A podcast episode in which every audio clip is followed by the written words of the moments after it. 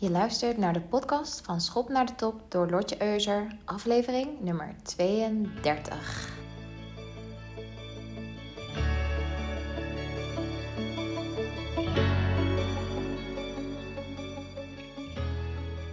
Hallo, hallo. Gezellig en sterk van je als je luistert naar de aflevering van vandaag over klanten die kijken, kijken, maar niet kopen. Ik ben Lotje Euser, ik ben business coach voor vrouwen die de top willen bereiken. En ik wil je in deze aflevering uitleggen hoe je kunt omgaan met situaties waarbij je merkt dat je bestaande klant, of misschien nog potentiële klant, nog niet klant bij je is, zich op zo'n manier gedraagt dat je denkt: oké, ik moet echt even mijn grenzen gaan aangeven, want dit loopt uit de hand. Hier zit geen vooruitgang in. Bijvoorbeeld wanneer eh, potentiële klanten een legio aan DM's en mails uh, naar je sturen, maar niet kopen. Echt dat, dat uh, kijken, kijken, niet kopen. Herken je die? Ik hoop het, want ik heb zoveel waardevols met je te delen in deze podcastaflevering. Nou, je kent ze misschien wel, de klanten die continu hulp van je vragen. Terwijl ze je betalen voor slechts 8 uur aan support in de week en ongeveer 40 uur van je tijd in beslag nemen. Of uh, potentiële klanten die zitten te vissen naar je inhoudelijke kennis om ze verder te helpen. Terwijl ze je daar eerst echt voor moeten betalen. En vervolgens maar die call na call blijven inplannen. Dat je het gevoel hebt van. Oh, de klant neigt hier of is misschien al over mijn grenzen aan het gaan en het is tijd om dit een halt toe te roepen. Nou, in sales komt het heel vaak voor. Zeker als je nieuwe leads binnenkrijgt en bezig bent om je netwerk uit te bouwen. Maar het komt ook vaak voor met al bestaande klanten. En daarover gesproken, over die sales, wil ik eerst even back to the basics. Namelijk, waar draait die deal close nou eigenlijk om? Waar draait sales nou eigenlijk om? Elke sale, elke deal die je wilt closen, begint met een relatie. Maar een relatie kan alleen bestaan als je je grenzen aangeeft. Zonder grenzen geen relatie. Die grenzen bakenen namelijk het gebied af van wat tot de relatie behoort en wat niet. Nou, dit klinkt heel erg vanuit mannelijke energie, maar blijf even bij me. De relatie met je klant is namelijk heel anders dan andere relaties die je hebt. Bijvoorbeeld met je lover of met je familie of met je vrienden. En bij elk type relatie horen andere grenzen. Je accepteert hopelijk voor je familie ook andere dingen dan uh, bijvoorbeeld van je klanten. Of je accepteert misschien ook andere dingen van je klanten die al hebben betaald bij je, dan uh, dingen die je accepteert van potentiële klanten, van leads. Nou, nu is het natuurlijk ook zo dat uit zakelijke relaties bijvoorbeeld ook vriendschappen kunnen ontstaan. En het is helemaal aan jou of je dat wilt. Want je mag het jezelf namelijk ook gunnen om dit strikt gescheiden te houden. Dat is dan jouw grens in dit geval. En grenzen stellen klinkt heel mannelijk, want het is iets waarbij jij degene bent die de leiding moet nemen. Je moet komen opdagen. Je moet het gebied afbakenen wat die relatie omvat. En al deze dingen moet je ook, geen twijfel. Maar er zijn verschillende manieren om dit aan te pakken. En binnen de consultancy en coaching-industrie zijn potentiële klanten de hele tijd op zoek naar oplossingen voor hun problemen.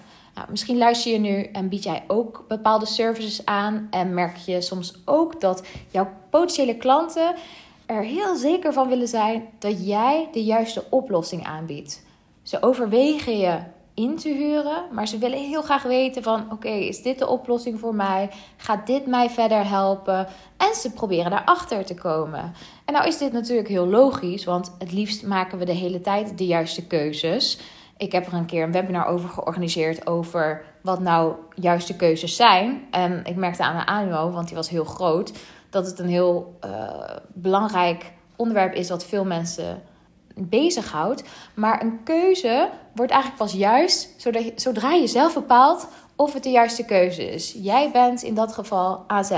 Nou, en je klant, wanneer die overweegt om jou in te huren, moet dit voor zichzelf bepalen. jij als coach of als consultant kan dit niet bepalen voor de klant. Je kunt de klant wel helpen om tot een beslissing te komen, natuurlijk. Maar vaak is het ook, zeker in bepaalde vakgebieden, dat een bepaald gevoel de klant over de streep trekt. Want, nou ja, als we eerlijk zijn, heel veel aanbiedingen in de markt verschillen eigenlijk niet zoveel van elkaar. Dus wat blijft er dan over? Nou, vaak het gevoel bij de klant van oké, ik heb het gevoel dat deze professional mij kan helpen. Dat deze partij mij kan helpen, omdat eigenlijk de concurrenten allemaal zo'n beetje hetzelfde aanbieden en er geen aanbod echt uitspringt. Maar goed, die juiste keuze maken, die kan best wel uitdagend zijn, soms ook heel tijdrovend voor de klant, maar ook voor jou.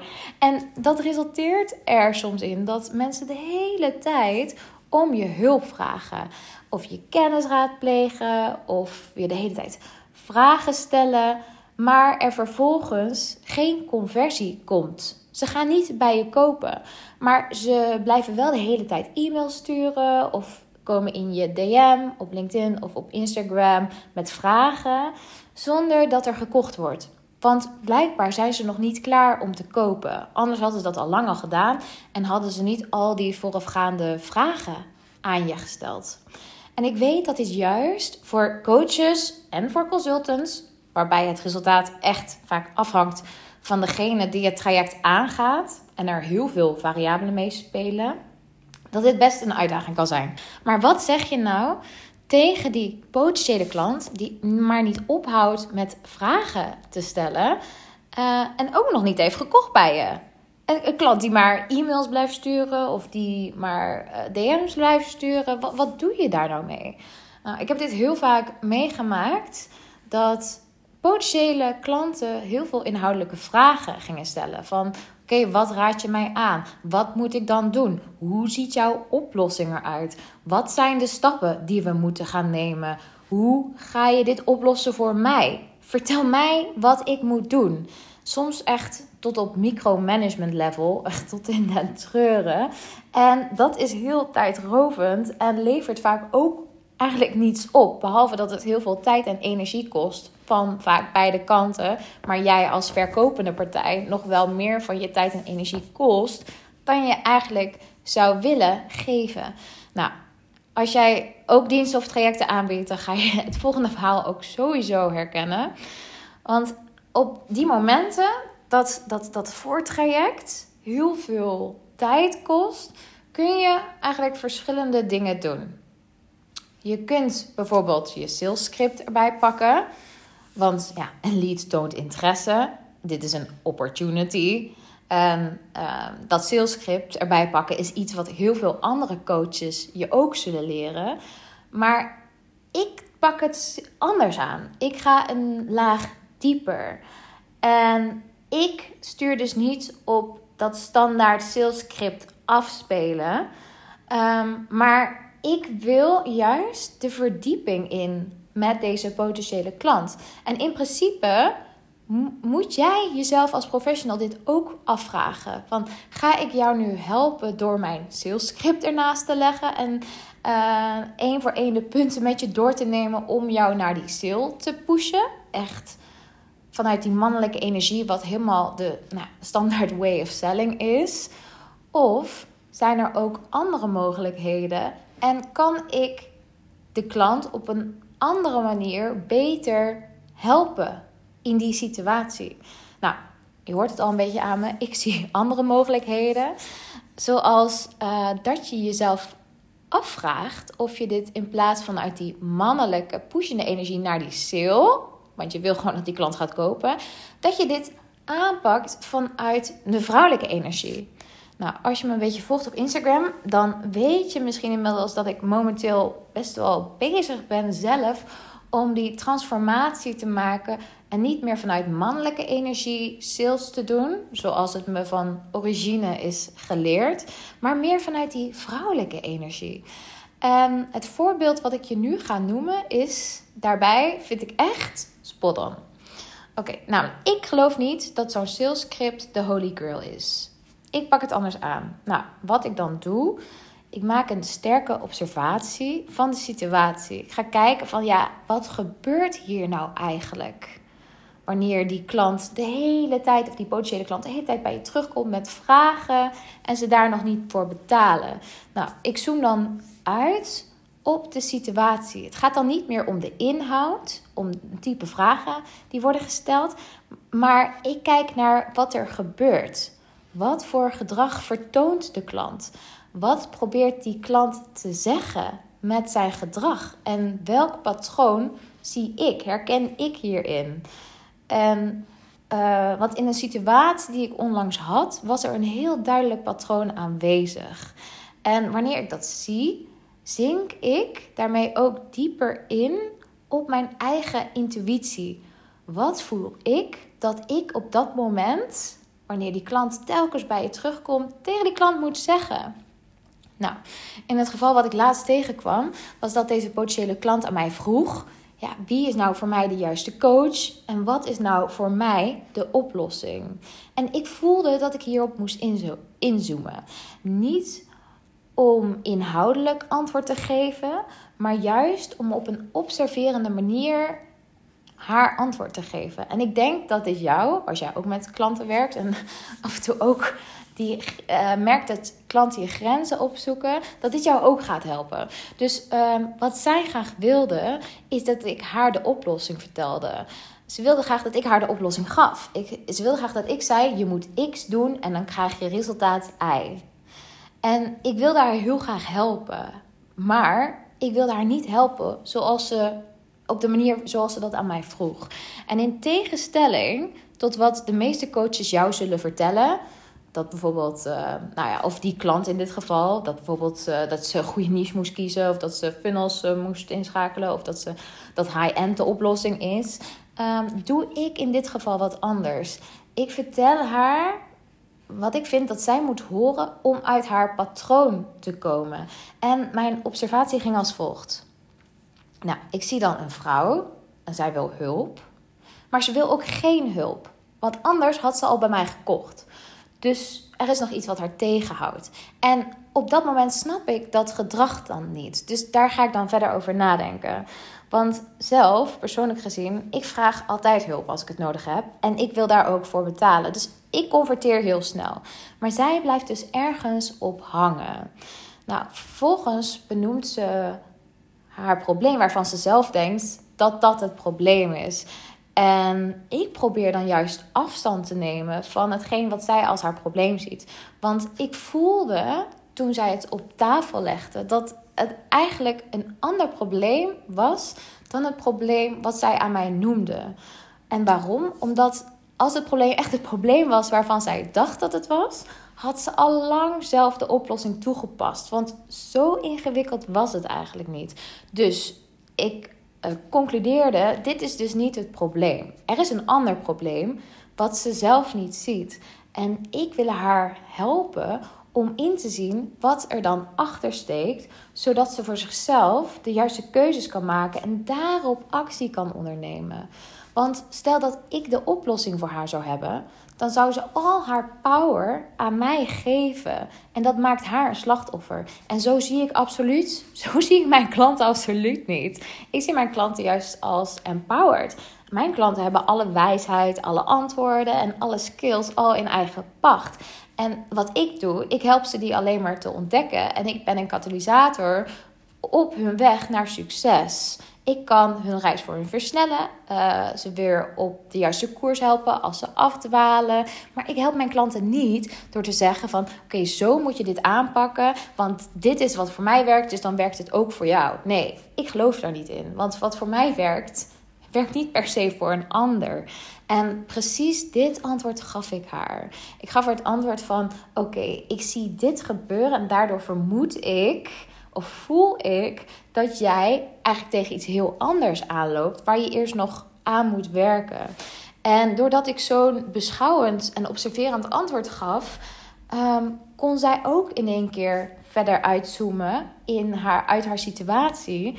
Uh, waardoor ze eigenlijk veel meer geholpen was dan wanneer ik gewoon puur inhoudelijk had gezegd: Oké, dit moet je doen. Dus ehm, op dat moment, wanneer ik dan aangeef van ja, ik merk dat je mijn hulp vraagt, maar je vraagt niet echt mijn hulp, want anders had je al lang een coaching bij mij aangegaan. Dus, uh, maar ik laat wel weten van je vraagt continu mijn hulp, maar um, je gaat het niet, je gaat niet all in. En uh, vanuit eigenlijk liefde en respect gaf ik mijn grenzen bij haar aan. Van ik zie dat je hulp wil, maar iets houdt je tegen. En ik wil je wel helpen, maar dat kan niet op de manier die je nu aan mij vraagt. En niet veel coaches doen dit. Veel coaches gaan meteen in de oplossing zitten. Want dat is makkelijk. U vraagt, wij draaien. Kost ook de minste tijd.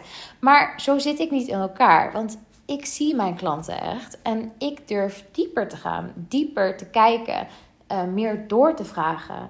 En dit doe ik ook omdat ik mijn eigen grenzen wil aangeven als ik dit gesprek niet zo had ingestoken en ik had haar gewoon een quick fix gegeven, bijvoorbeeld, dan is de kans groot dat degene die dit gedrag vertoont, volgende, volgende week weer terugkomt met nieuwe vragen. En daarmee help ik haar niet en help ik mijzelf ook niet, want het doorbreekt het patroon wat zij vertoont niet. Dus dat is net zoals met de collega's die je hebt, of misschien wel de klanten die je hebt, die de hele tijd terugkomen op hun problemen, maar compleet voorbij gaan aan de oplossing. Ze herhalen duizend keer het probleem en ze kunnen niet uitzoomen op een situatie waardoor ze zien wat hun gedrag eigenlijk veroorzaakt. En ik merk namelijk dat het mijn energie ook heel erg drained als iemand wel de hele tijd om hulp vraagt, maar zelf niet het, ja, het initiatief neemt om echt all in te gaan. Die mensen hebben dan nog een blokkade en zijn nog niet helemaal klaar voor de oplossing, eigenlijk qua mindset.